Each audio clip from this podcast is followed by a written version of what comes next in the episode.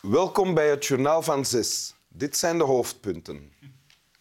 Het waren de legendarische eerste woorden van mijn gast van vandaag, Wim de Vilder, journaalanker. Herinner je dat nog? Ja, en ik herinner mij vooral dat uh, er iets mis was met de autocue de allereerste dag oh. waarop ik presenteerde. Dus uh, het was spannend.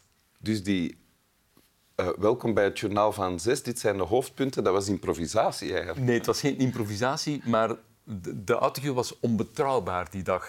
Ik heb een paar keer moeten ah, ja. in, toch in papieren duikelen om te zien wat ik... Was je nerveus dan? Ja. ja. ja. En, of, en nu? nu? Nu, voor dit moment, ook een beetje, ja. ja. ja. Terecht, kan van alles misgaan. Kan van alles misgaan. Laten we proberen te beginnen met de tekst foutloos voor te lezen en dan zien we wel verder. De lat ligt al hoog. ja. Ik ga mijn best doen, hè. Ja. Each time a man stands up for an ideal or acts to improve the lot of others or strikes out against injustice, he sends forth a tiny ripple of hope, and crossing each other from a million different centers of energy and daring, those ripples build a current which can sweep down the mightiest walls of oppression and resistance. Ja. Krachtig. Gelijk. Ja. ja. Zullen we even vertalen om te beginnen? Ja. Uh, zullen we dat samen doen? Ja, is goed. Um, elke persoon die opkomt voor een ideaal of iets doet om het lot, om het lot van anderen te verbeteren of, of vecht tegen um, onrechtvaardigheid, denk ik, staat er. Hè?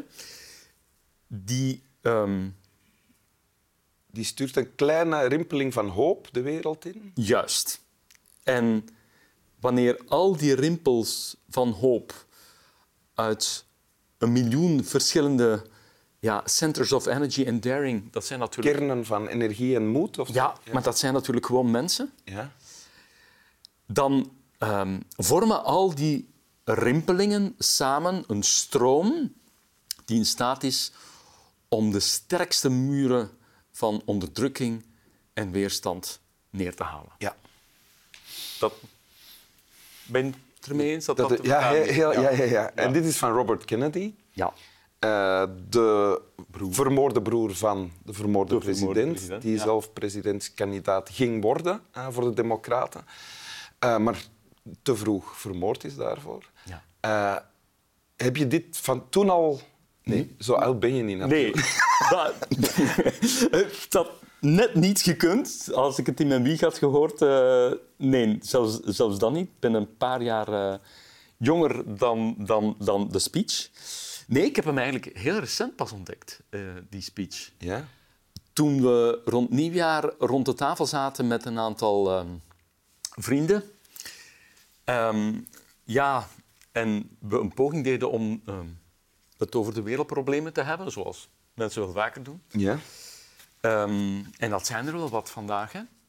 Dan kwam heel snel op de tafel van kunnen we daar eigenlijk nu zelf als individu nog iets aan doen of ja. niet? Ja.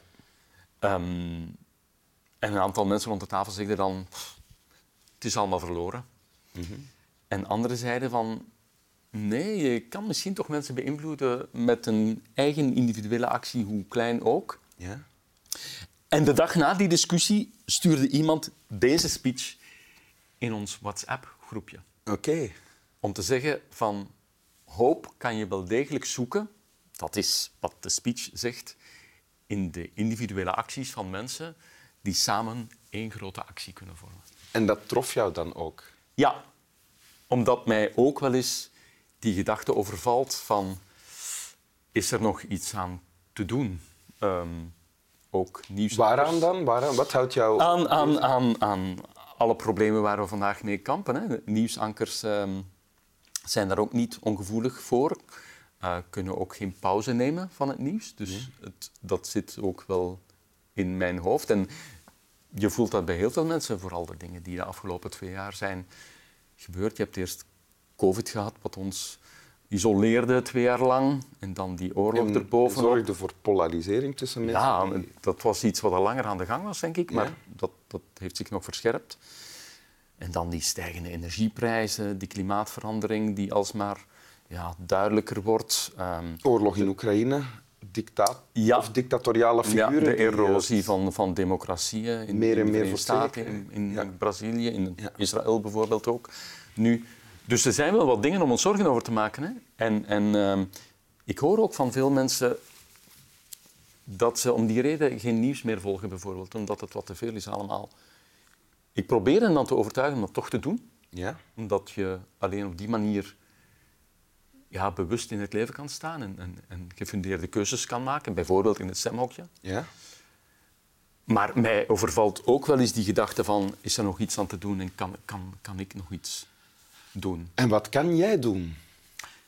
Wel hoop putten uit de individuele actie van mensen.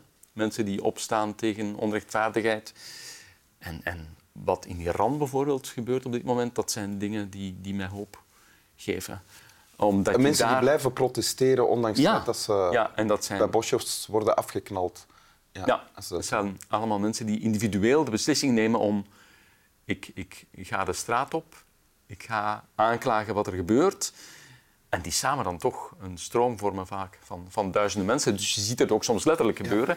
Maar daar, daar moeten we hoop uit kunnen putten. En je zegt, ik put hoop uit acties van anderen, van moedige mensen die eh, zich niet laten doen of die tegen onrecht ingaan. Maar kan jij zelf ook iets doen? Ik bedoel, het lijkt me moeilijk als journaalanker... eh, Om actie te voeren. Ja, Ja, dat is zo. je moet neutraal lijken, op zijn Ja. minst. Ik denk een bijdrage die ik in alle bescheidenheid, want je moet dat ook relativeren, denk ik, kan leveren, is proberen zoveel mogelijk mensen te informeren. Op een zo helder en correct mogelijke manier. Ja. Ja. Omdat, Dus je job zo goed mogelijk doen. Eigenlijk. voilà, omdat die polarisering toch ook voor een heel groot deel veroorzaakt wordt door eh, fake news, de echokamers van, van sociale media en zo verder, denk ik dat het belangrijk is dat mensen ook de mainstream media blijven volgen, die zo goed mogelijk hun best doen om nieuws te checken en onpartijdig wat dat dan ook zij, want het is natuurlijk altijd ingebed in een bepaalde culturele context, onpartijdig nieuws te brengen of minstens verschillende meningen te laten horen. Ehm, dus ik ben er wel van overtuigd dat, dat informatie mensen kan helpen om eh, niet af te dwalen in een van de extremen van, van polarisering, Ja. denk ik. Dus, maar ja, daarvoor werken, werken we elke dag met een hele ploeg. En is, het dan, en is het dan genoeg? Voelt het dan voor jou, dit, dit is wat ik kan doen en dat doe ik naar best vermogen en dat is genoeg?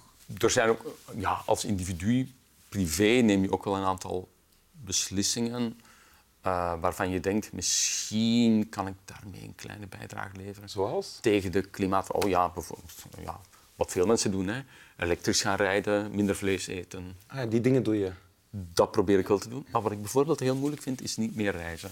Dat vind ik een heel groot offer om te brengen. Je kan ook met de fiets reizen. Hè? Ja, dat is waar. Te voet. Ja. Met de elektrische Moet ik iets wagen. vaker doen? ja. Wil, je, wil je het nog eens voorlezen? Zal ik doen. Each time a man stands up for an ideal or acts to improve the lot of others or strikes out against injustice, he sends forth a tiny ripple of hope. And crossing each other from a million different centers of energy and daring, those ripples build a current which can sweep down the mightiest walls of oppression and resistance. Dank u. Graag. Slap wel.